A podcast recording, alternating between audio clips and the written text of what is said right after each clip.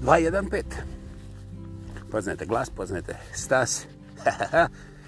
dakle, ovo je 215. slama sa vama.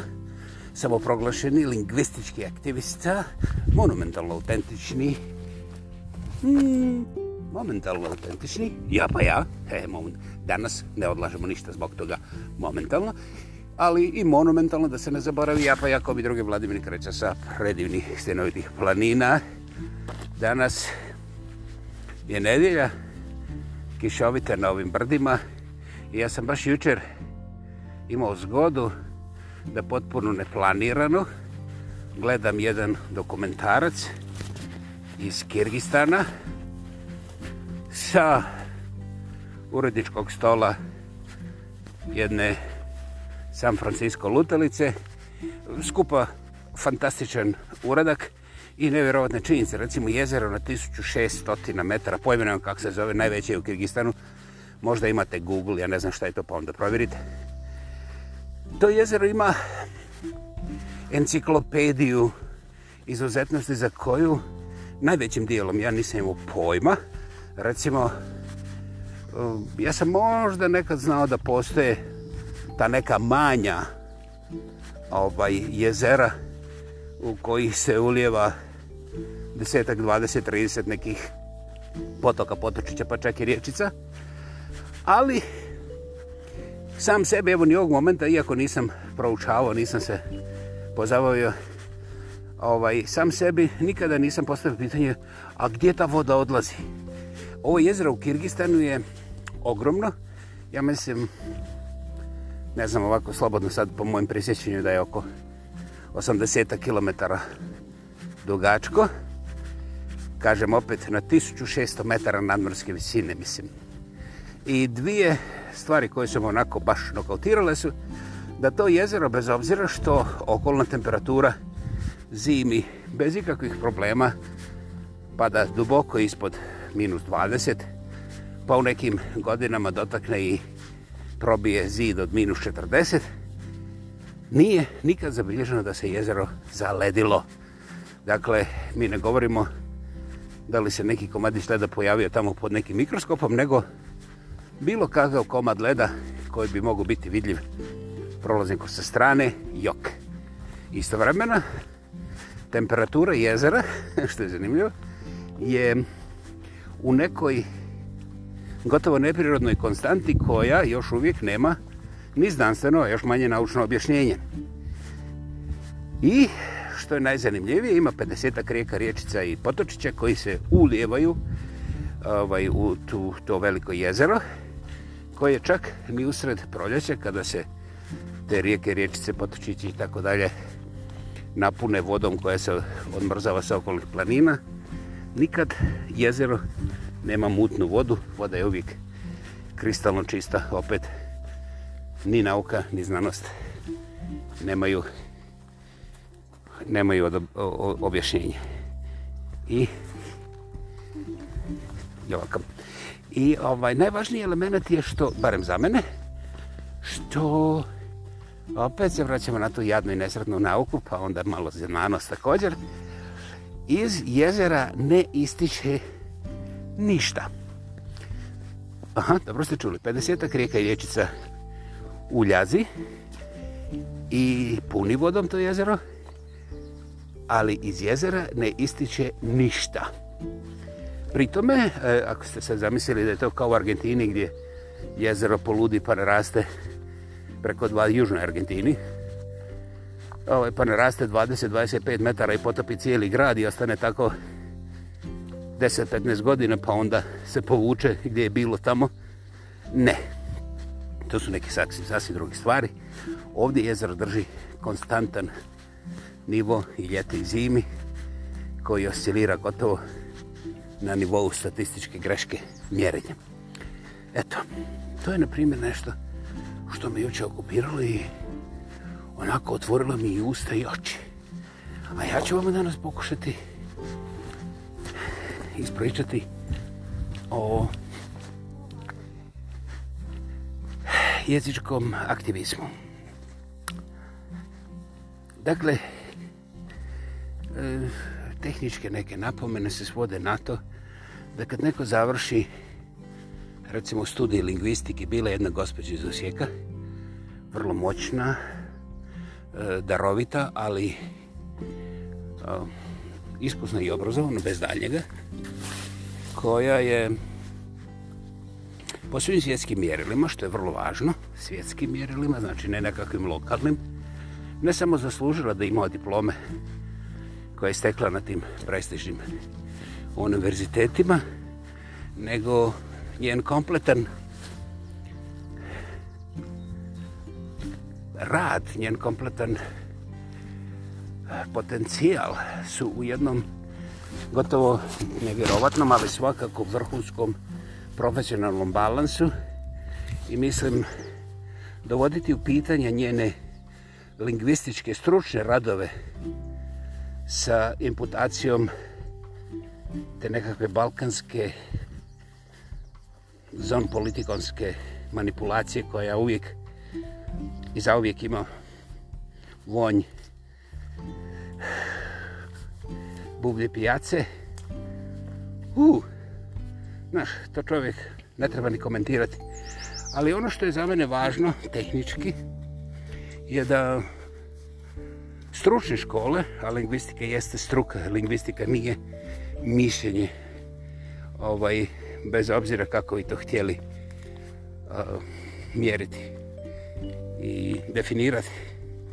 Lingvistika se mora učiti, jer ako ne vjerujete da je tako, onda mi recite šta je mišljenje u Qingqiao. A da, da sad primjećujete da taj Qingqiao je ovaj, vjerovatno išće Krčića ili još vjerovatno izmišljen. Međutim, moj prijatelj pominjan je ovdje često George, za koga ja kažem da mu to izgleda kao ovaj, ovome mom prijatelju kravlje sise, a on se smije i nikad se nije uvredio, je kinez, znaš. I on je mene naučio ti dvije, tri, četiri riječi, možda i pet. I on se svaki put smije kako ja to činčao.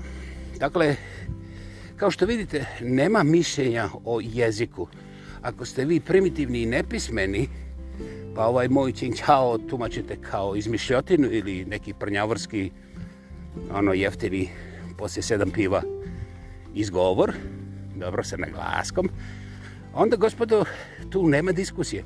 To što ćemo mi brbljati sljedećih 27 godina o tome ko je koga uvrijedio, to su već naše specijalnosti, znaš, to su naše visine, intelektualne, duhovne, moralne i tako dalje.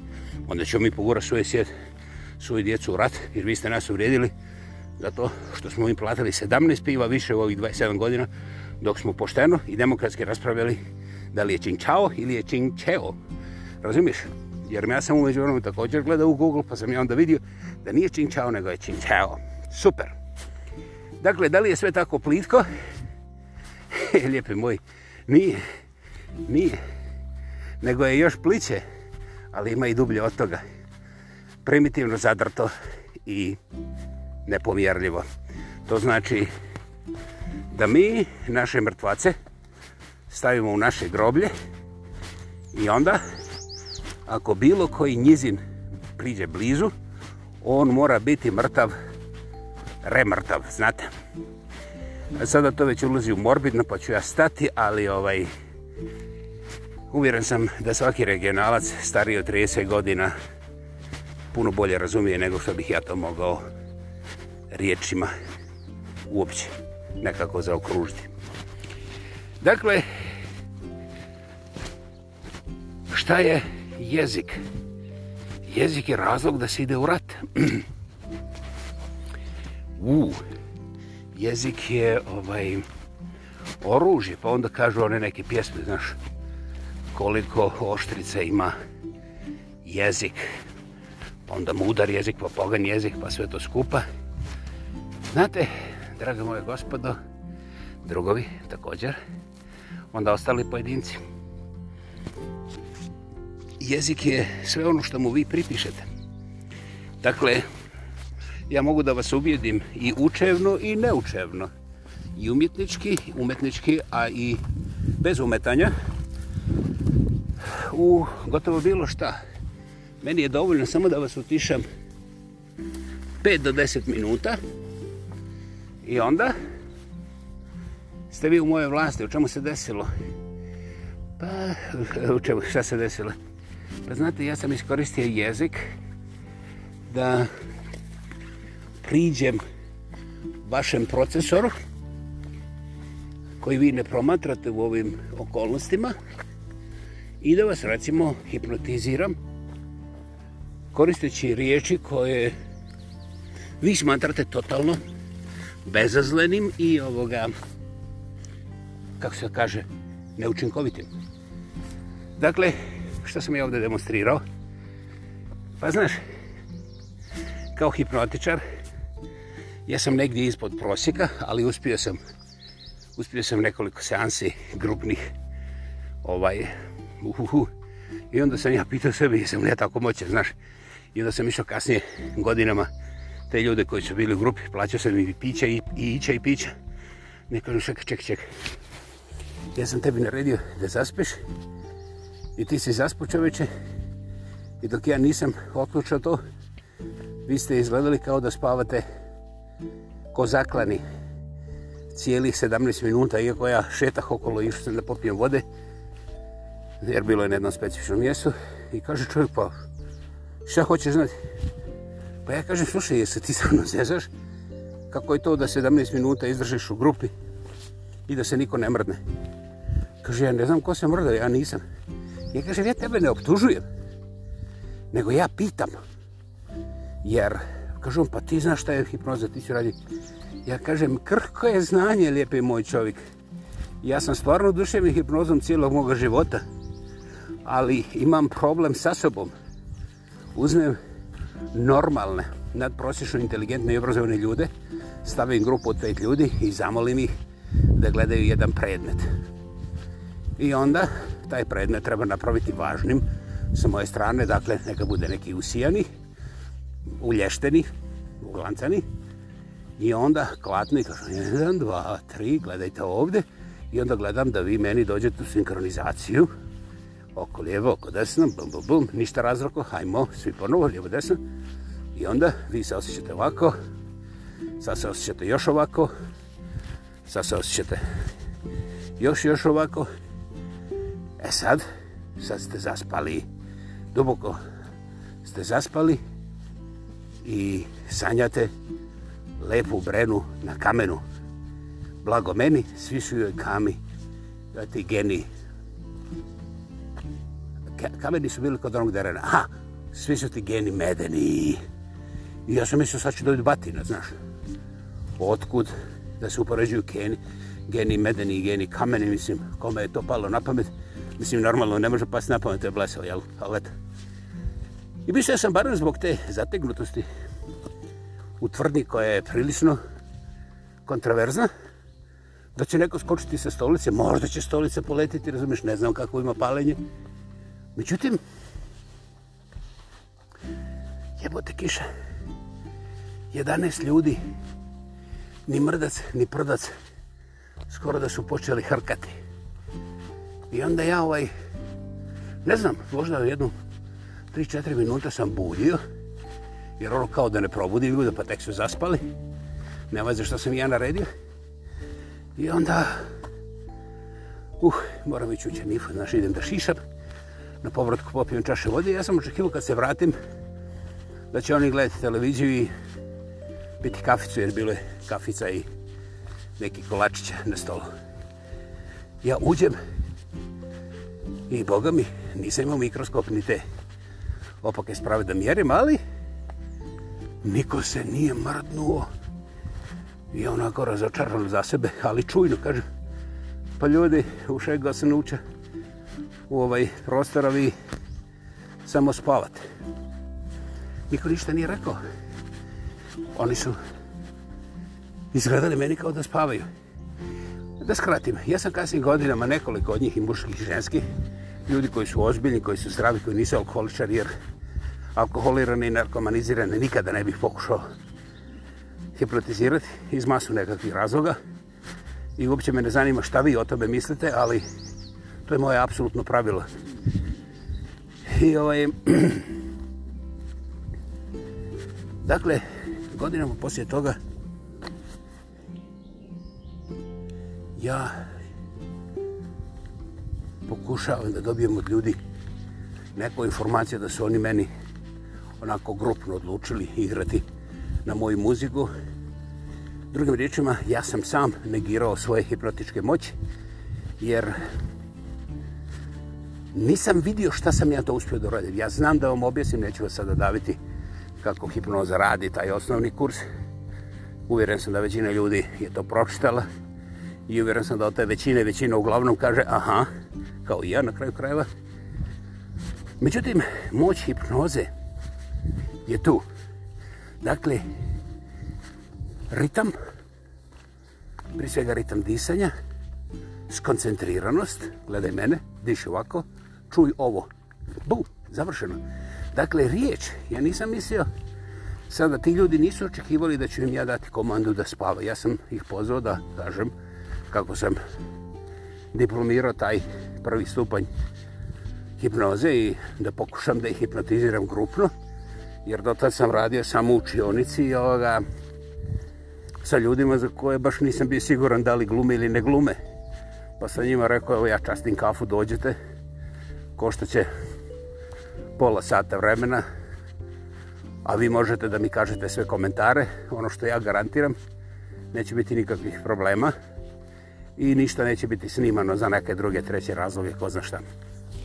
Uglavnom, tu sam ja naučio moć riječi koje je potpuno obiše. Dakle, jedna te ista riječ ovaj, interpretirana u određenim okolnostima ili na određen način ili s određenim tonom ili s određenom brzinom ili s određenom i tako dalje i tako dalje. Sad možete zamisliti, predstavlja odaberite oružje, lijek, sve između toga, ništa od toga i nešto sasvim izvan ovog svemira. Drugim riječima, ovaj, riječ je neuporediva veća od svoje forme i mi još uvijek nemamo dovoljno informacija šta ta riječ radi u našem, recimo, misalnom procesu. Iako, recimo, neke riječi kada vam kažu neki ljudi, vas pogađaju direktno u stomak, a ne u mozak. Neke treće riječi vas pogađaju u glavu, ne u mozak, nego u glavu, a neke četvrte ravno u srce. I opet, generalno objašnjenje imate, ali ako se vratite nazad da rekonstruirate situaciju, onda se često pojave problemi koje obično napustite učiniti jer i drugi su bili takvi pa su radili ovo i onda nije bilo problema. Znači po inerciji prihvatite neku poruku većine ili svoje sredine. Dakle, riječ nije jezik, znate, a, po definiciji ona je samo taj neki element jezika, međutim jedna riječ može biti enciklopedija i može biti kao što smo rekli, ili oružje, lijek, sve između toga, okolo toga. I sve ovisi o... He, bilo bi lijepo da ja sad ovdje imam formulu. Ovisi o svim drugim ovisnostima koje ponekad čak i ne ovise. Dakle, upotreba riječi je krajnje ozbiljan posao za koji mi nismo pripremljeni čak ni na, vo, na nivou amatera. Mi uglavnom znamo kao mali preplošeni psići sa oštrim zubima da grizemo naše riječi za ugristi, za uvrijediti, za povrijediti, za eliminirati su puno jasnije od svih onih drugih. Čak i u izrazima ljubavi imamo problem. Imamo ogroman problem jer naše riječi ljubavi pozitive su uglavnom toliko ljigove kao neobrisena guza nakon spašenog proljeva, ono, umjesto da se ukakite u gradski promet, stigli ste u neki slučajni WC na vrijeme i sad presretni ste što taj sadržaj nije preko vas i preko cijelog autobusa, no međutim, zašto i kako se to desilo? Thank you. Vi... Thanks. Vi pojma nemate vi nemate čak ni ideju, nego ono, Bogu hvala što se baš tako desilo. Jer znate slučaj kako je onaj tamo u onom gradu išao sa ženom, pa ovaj, jeli su neke mlade trešnje, a vjerovatno nisu oprali, i strefilo ga dok je autobus prošao svega 10 minuta i dok je on trčao, posveđao se sa ženom, ona nije razumela šta mu treba, i on iskočio iz autobusa. Ona ga pustila, on se tamo eh, napunio gaće na ulici. A ona je bilo toliko ljuda da je mislila da je boli stomak zbog toga što je on takav. I sjela je tu dok od nije od jednog jedna gospođa rekla njoj gospođu šta vam to curi i onda između njenih noga ona pogleda dolje kad ono sadržaj ovih trešanja, jeli, u tom gradskom autobusu, u tom nekom, ne njihovom gradu, nego nekom drugom gradu. Priča nije izmišljena. Dakle, zašto se to tako dešava i kako? Ne znam, ali zapamtite da smo svi mi, ja bih rekao 99,98.4, Aha, to su dva, tri pojda. Ne, ne veze. Uglavnom, jedna neshvatljivo i neopravdavljivo ova riječ ne, ulo, ne ulozi u riječek. Nema vrata. Za tako nešto napufano. Ovaj, jednostavno, naše riječi za diskriminaciju, za diskvalifikaciju, da sve negativne riječi su tako sočne i tako iskrne, da se meni ponekad čini kako smo mi ovaj, jedna niža vrsta pasa, čak ni kojati, koji jedva čekaju priliku, znaš, kao ona, kako je to moja mati rekla, ovaj, ona je imala jedan predivan sarnijski izraz za, za zmije otrovnice koje čekaju u travi, u otkosu. Ovaj,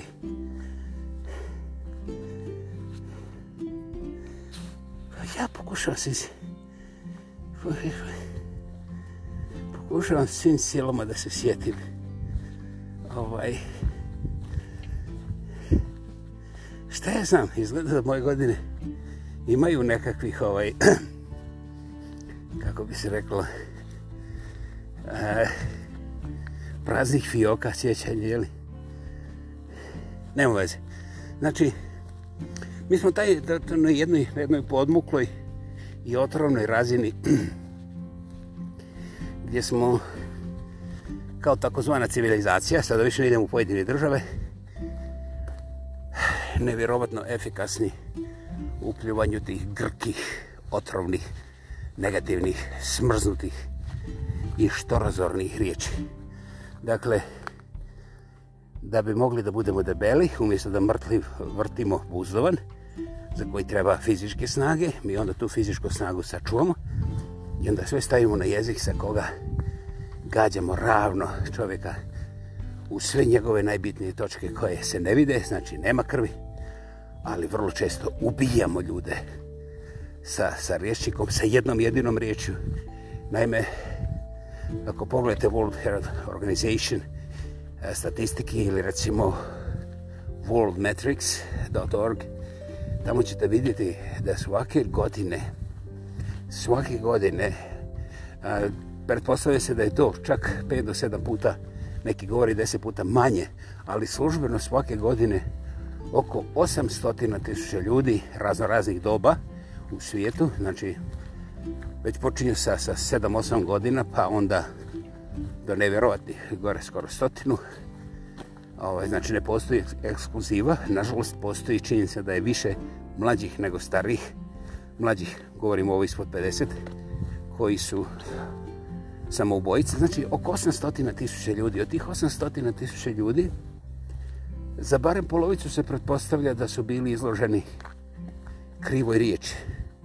Znači, ja ću uzeti nešto brutalno, ali očigledno, ovaj mladić je trčao za jednom curom, ona je najzad pristala, i onda se desilo to među njima, šta je znam, hopa cupa, ja to ne znam kako se tu radi, šta se radi, ali ovaj, onda ona se otradar od njega zatražila nove cipele, a on je onda ovaj, bio razočaran jer nije čuo ni jednog momenta kako je bio super ljubavnik prošle noći, dao bi onda i svoje auto, dao bi oče, on zna da bi, jer stvarno mu se svidjela. Međutim, ona je njega pitala,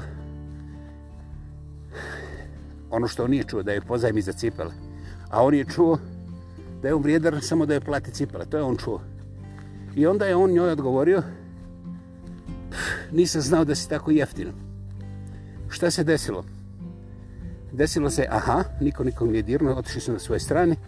Na večer ona se ubila sa tatinim pištoljom.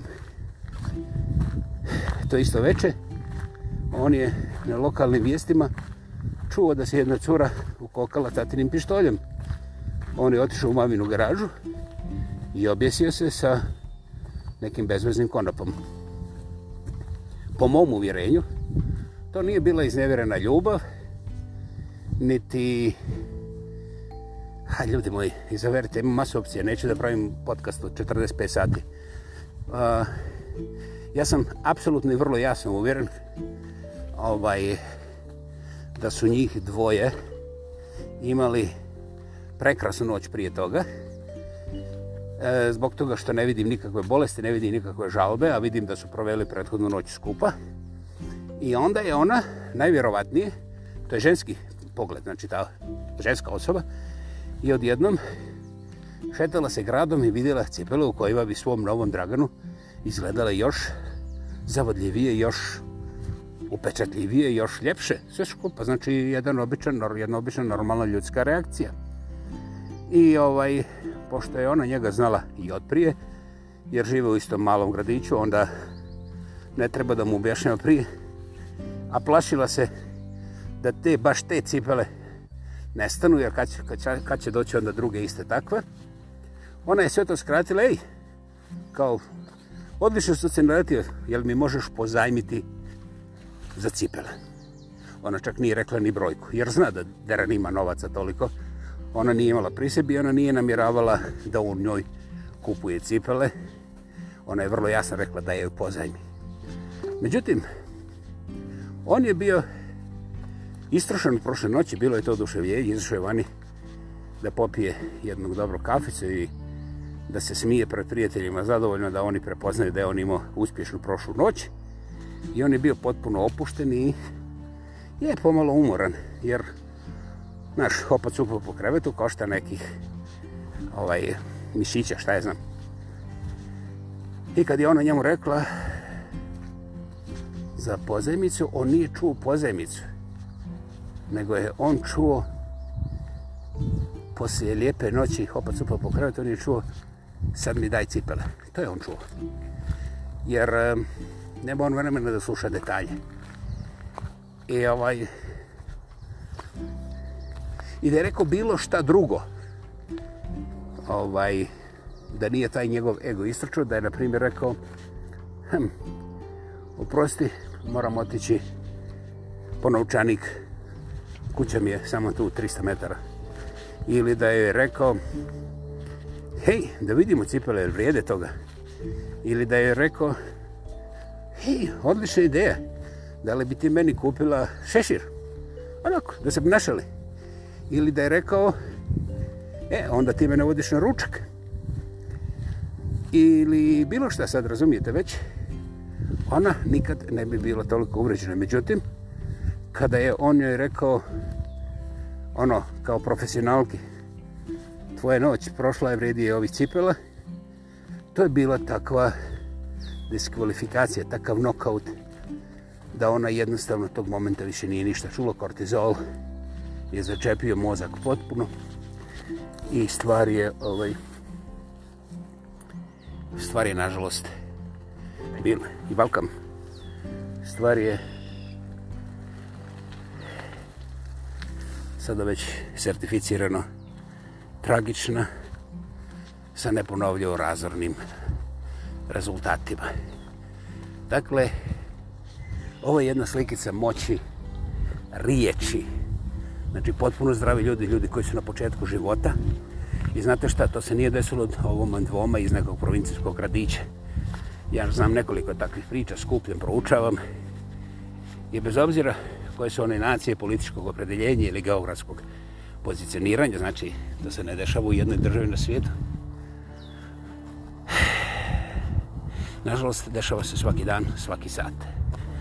I kada ste već svratili ovde, kod samoproglašenog lingvističkog aktiviste, ja sam, kao i uvijek, iskreno, duboko, istinski zaholan, zbog toga što sam uvjeren da ćete slušanjem ovih potpuno neformalnih lingvističkih opcija i promatranja imati dovoljno poticaja da u svom vlastitom mozgu, duši i mišljenju odlučite šta vi hoćete vidjeti. Dakle, ja vam ne nudim recept i ja ne tražim rezultate. Međutim, ako dozvolite sebi i zalutate na slama sa vama, onda vas uvijek čeka jedan novi kut, jedna nova mogućnost i jedna tragedija manje garantirano. Možda ja pravoličavam, ali ako se skoncentrirate na mogućnosti koje se doista događaju, pogledajte novine okolo sebe, ukucajte nejasne pojmove u te search mašine, onda ćete primijetiti da neformalno, vaninstitucionalno, a, potpuno pojedinačno kao što ja to radim, i te kako ima svoje zube, ima svoju moć i može postati zapravo ja koristim kao aktivni alat više civilizacije na svakom koraku. Ne mislim žderingacije, ne mislim motorizacije, nego više civilizacije, više civiliziranosti u vašim srcima, dušima, mislima, a onda posljedično osjećajima zdravlju i svemu što želite biti. Dakle, dragi moji, bila je ovo 215. slama sa vama. Moj naklon, svakako do poda, iskreno, Šešir ostavljam gore jer sam ćelova, sunce peče. I kao i uvijek prije, uz najljepše pozdrave, čujemo se prije nego što se vidimo. Bio ovo Vladimir Kreća sa predivnih stjenovitih planina. Imajte predivan dan. Ćao!